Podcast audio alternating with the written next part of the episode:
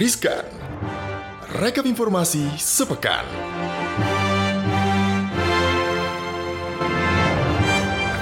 Si Gibran lagi terperanjat Terperanjat makan rambutan. Eh udah hari Jumat. Berarti waktunya riskan Yeay. Itu adalah opening saya. Ya Allah udah mulai Udah mulai aja apa ya mau? Allah, balik lagi di Riskan Rekap Informasi Sepekan. Ada gua Gibran. Ada Alin. Kita akan membacakan apa aja sih berita-berita yang jadi highlight sepekan ini ya Sobat Cuan. Dan wajib Sobat Cuan tahu Biar enggak kudet alias kurang update. Nah, yang pertama ini ada Pak Luhut Binsar Panjaitan. Kalau kalian tahu Menko Maritim dan Investasi. Nah, ini bertemu dengan Presiden Amerika Serikat Donald Trump dan bawa pulang oleh-oleh. Biasanya kan kalau lawatan luar negeri, ente-ente pada nanya oleh-oleh apa yang dibawa. Mm-mm, Paling kan? ini gantungan kunci ya Eh, ini di bawah ini oleh-oleh 10,5 triliun rupiah. Wow luar biasa Jadi pemerintah Indonesia dan Amerika ini menandatangani MOU atau nota kesepahaman. Ini mengenai pendanaan infrastruktur dan perdagangan senilai 750 juta US dollar atau setara dengan 10,5 triliun rupiah kalau kursnya itu 14.100 gitu kan. Jadi angka ini merupakan peningkatan dari nilai kesepakatan sebelumnya yang hanya 7 triliun rupiah atau 500 juta USD di 2017 sampai 2018. Oh gitu Nah, MOU ini udah ditandatangani sama Duta Besar Indonesia untuk Amerika yaitu Pak Muhammad Lutfi sama Presiden Exim Bank Amerika Kimberly, Kimberly. Mm-mm. Nah, penandatangan ini juga udah disaksikan oleh Menko Maritim dan Investasi Pak Luhut Binsar Panjaitan. Opung Luhut udah nonton, udah betul. lihat gitu kan. Udah menyaksikan langsung ditandatangani. gitu ya. Gitu. Jadi nantinya MOU ini tuh akan memperluas peluang Indonesia dan Amerika untuk bekerja sama dalam pengadaan barang dan jasa untuk proyek-proyek pemerintah. Oh begitu Gitu. Jadi nggak hanya itu juga, tapi kesepakatan ini juga mendorong peluang pengembangan usaha antara lain di sektor infrastruktur, transportasi, energi, infrastruktur rantai pasok pertambangan, terus lingkungan hidup, teknologi komunikasi dan juga informasi keselamatan dan keamanan, layanan kesehatan dan informasi geospasial. Oh, jadi kerjasamanya em, multi sektor gitu Multi-sektor ya, dan juga terjamin lah karena ini kerjasamanya bilateral. Kayaknya sih Amerika sudah ini ya mau melirik negara-negara yang kayaknya terlalu erat sama China. Uh, uh, jadi kayak sini sini kita Uh, uh, temenan ke kita gitu kan. aja, kita gitu kan. gitu. Uh, uh. Masa cuma iya proyek-proyek lain gitu negara lain yang masuk ke Indonesia, gue juga mau ambil bagian tuh. Semoga aja kesepakatan ini menguntungkan dua belah pihak ya, karena eh, rata-rata tuh kalau misalnya kerja sama sama Amerika Serikat, si ujung-ujungnya gitu ya beratnya ke mereka biasanya. Kita harus untung di kita, untung juga di sebelah. Jadi nggak ada yang dirugikan dari kesepakatan. Semoga ini. begitu ke depannya. Nah, ini ya ada warning dari tuh? Gubernur DKI Jakarta Bapak Anies Baswedan. Jadi kata Pak Anies nih kalau misalnya kalian warga DKI Jakarta kalian menolak untuk disuntik vaksin COVID-19 bakal kena denda 5 juta rupiah. Untungnya gue bukan warga DKI. Eh, tapi kan lu tinggal di sini. Eh, KTP lu bukan ya? Bukan. Hmm, perantauan ya. Tapi Nah, maaf saya mau kok disuntik apa-apa, nggak apa-apa. Nah, jadi ini aturan Pemda DKI gitu ya atau Perda DKI Jakarta nomor 2 tahun 2020 tentang penanganan COVID-19 ini udah resmi berlaku nih Gibran dan Sobat Cuan. Salah satu yang diatur dalam aturan ini adalah denda 5 juta buat warga DKI Jakarta yang menolak vaksin COVID-19. Balai Perdanya sendiri ini ditandatangani oleh Gubernur DKI Jakarta Anies Baswedan dan berlaku mulai 12 November 2020 gitu ya. Dan secara umum aturan ini mengatur tentang tata cara penanganan dan penanggulangan COVID-19 di DKI Jakarta. Nggak cuma kalau nolak vaksin doang nih denda 5 juta Gibran dan Sobat Apa Cuan. lagi tuh? Ada denda-denda lain kalau ada pelanggaran eh, berbeda ya.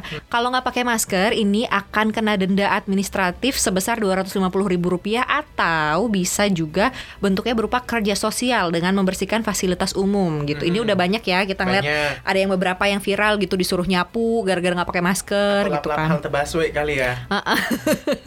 kayak gitu. Nah, kalau eh, menolak tes PCR COVID-19 gitu, misalnya kita kayak suspek gitu ya.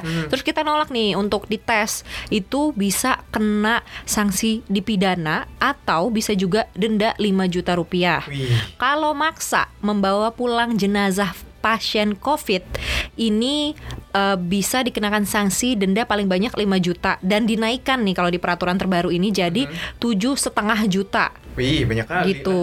Kalau misalnya dilakukan dengan diser- eh, disertai ancaman atau kekerasan maksa gitu ya. Hmm.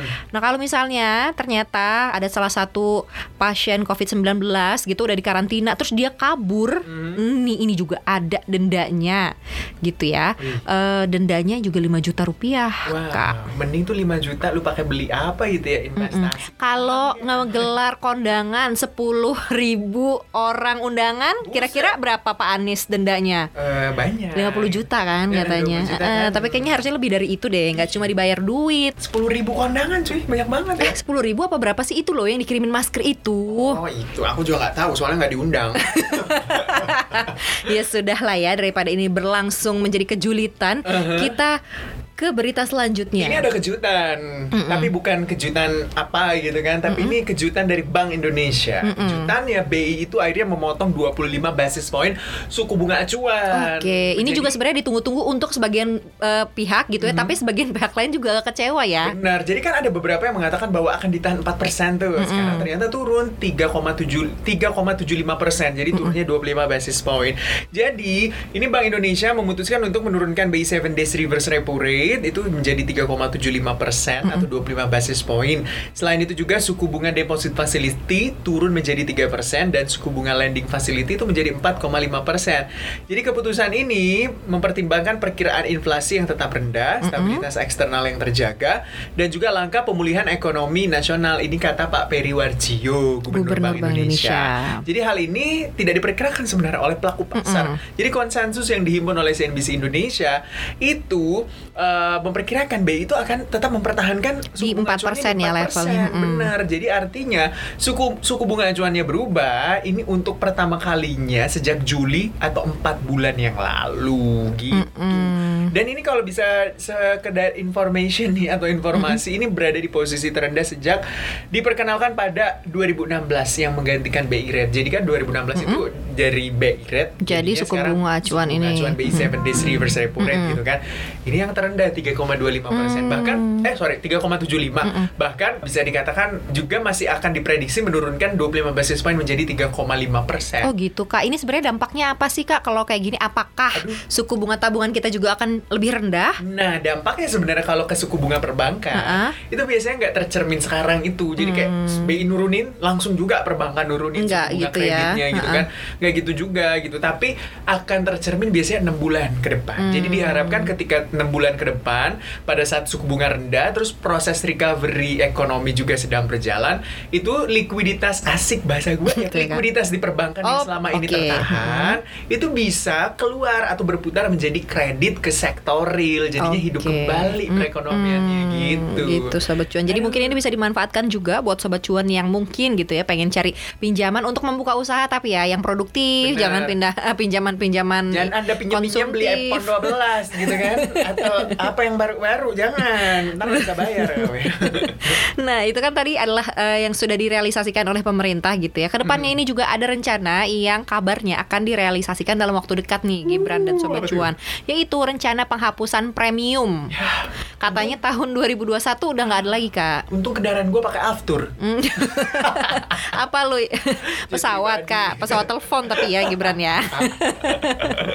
Jadi eh, rencananya kan memang ini sudah eh, terdengar gitu ya makin santer nih katanya 2021 Januari gitu ya atau di ah- di awal-awal 2021 lah itu premium sudah tidak akan lagi dijual di pom bensin pom bensin Pertamina ya sobat cuan ya tapi ini masih menunggu restu dari Presiden Joko Widodo. Mhm. Jadi eh, Pertamina ini gitu ya masih menunggu restunya Presiden Jokowi untuk menghapus BBM premium secara total di Pulau Jawa, Madura dan Bali per 1 Januari 2021. Karena hanya melalui Perpres atau eh, peraturan presiden ini yang bisa merealisasikan rencana tersebut gitu. Hmm. Jadi kalau katanya Vice President Promotion and Marketing Communication PT Pertamina nih, Arifun Dalia, kalau ada premium mau dihapuskan itu pasti akan diterbitkan dulu regulasinya atau SK Menteri atau Perpres katanya Hmm. gitu.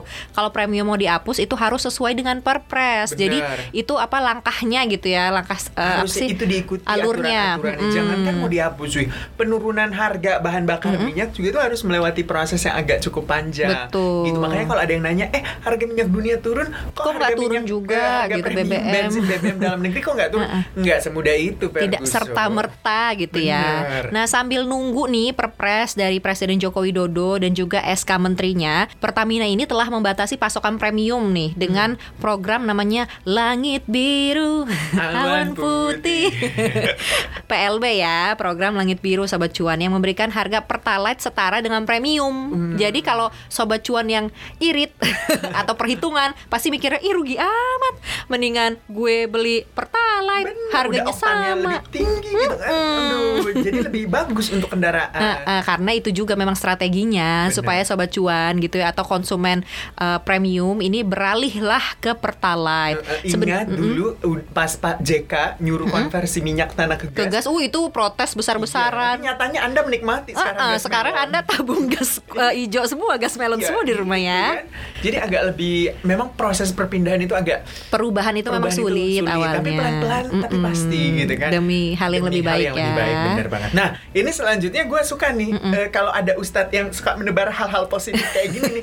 Gue seneng banget ini ya. nah, Gimana? karena eh, Ustadz Yusuf Mansur ini mengatakan untuk mengajak anak muda itu melek saham. Uduh, Nih. eh Ustadz Yusuf Mansur nih emang ini ya Ustadz yang sangat ekonomi kalau menurut gue. Bener. Dari dulu gue inget banget ya. Nih gue mau cerita sedikit sobat Oke. cuan. Dulu zaman gue awal pertama kali kerja nih, kan gaji eh, sedikit banget ya. Oke, 70 juta Pas-pasan. Pas-pasan gitu ya gaji gue ya Gibran ya. Gue tuh suka menonton di salah satu televisi swasta kalau habis subuh tuh ada eh, ceramahnya Ustadz Yusuf Mansur. Yang ngomongin Eh, ngomongin tentang kalau lu mau banyak rezeki lu baca surat apa terus ada hitung hitungannya nah gua yang anak cuan banget kan perhitungan. Pantes gua kita masuk tertarik. ya.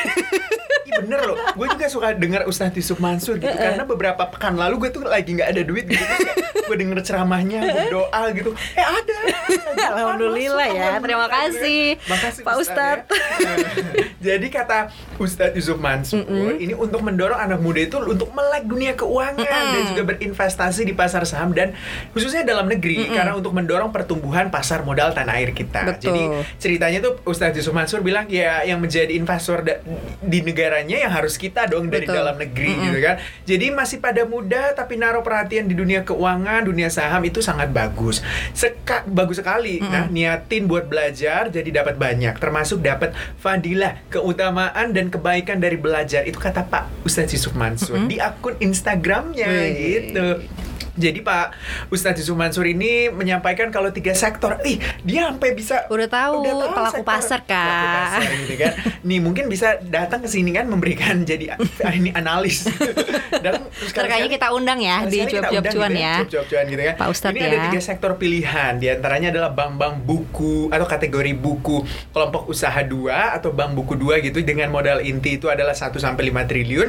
Terus ada juga sektor penerbangan aviasi. Nah, makanya kemarin kan saham GIA itu terbang Hmm, naik. kan. gara-gara ini. Gara-gara omongan Pak Ustadz juga Mm-mm. gitu kan. Terus infrastruktur jalan tol. Ini juga sempat melesat juga. Bener, ini kalau kita lihat sektor konstruksi selain karena pemerintah emang lagi mau naikin anggaran konstruksi infrastruktur di tahun 2021, tapi ya katalisnya juga gini nih salah satunya. Jadi menurut gue masuk akal gitu kalau misalnya sektor infra ya. Misalnya kita mau bangun jalan tol, butuh pendanaan nih. Ya alangkah baiknya kita menjadi investor dari dalam negeri kita Betul. sendiri. Jadi nggak ada tuh intervensi dari asang-asing yang selama ini Anda jadinya- bilang-bilang gitu kan. Heeh.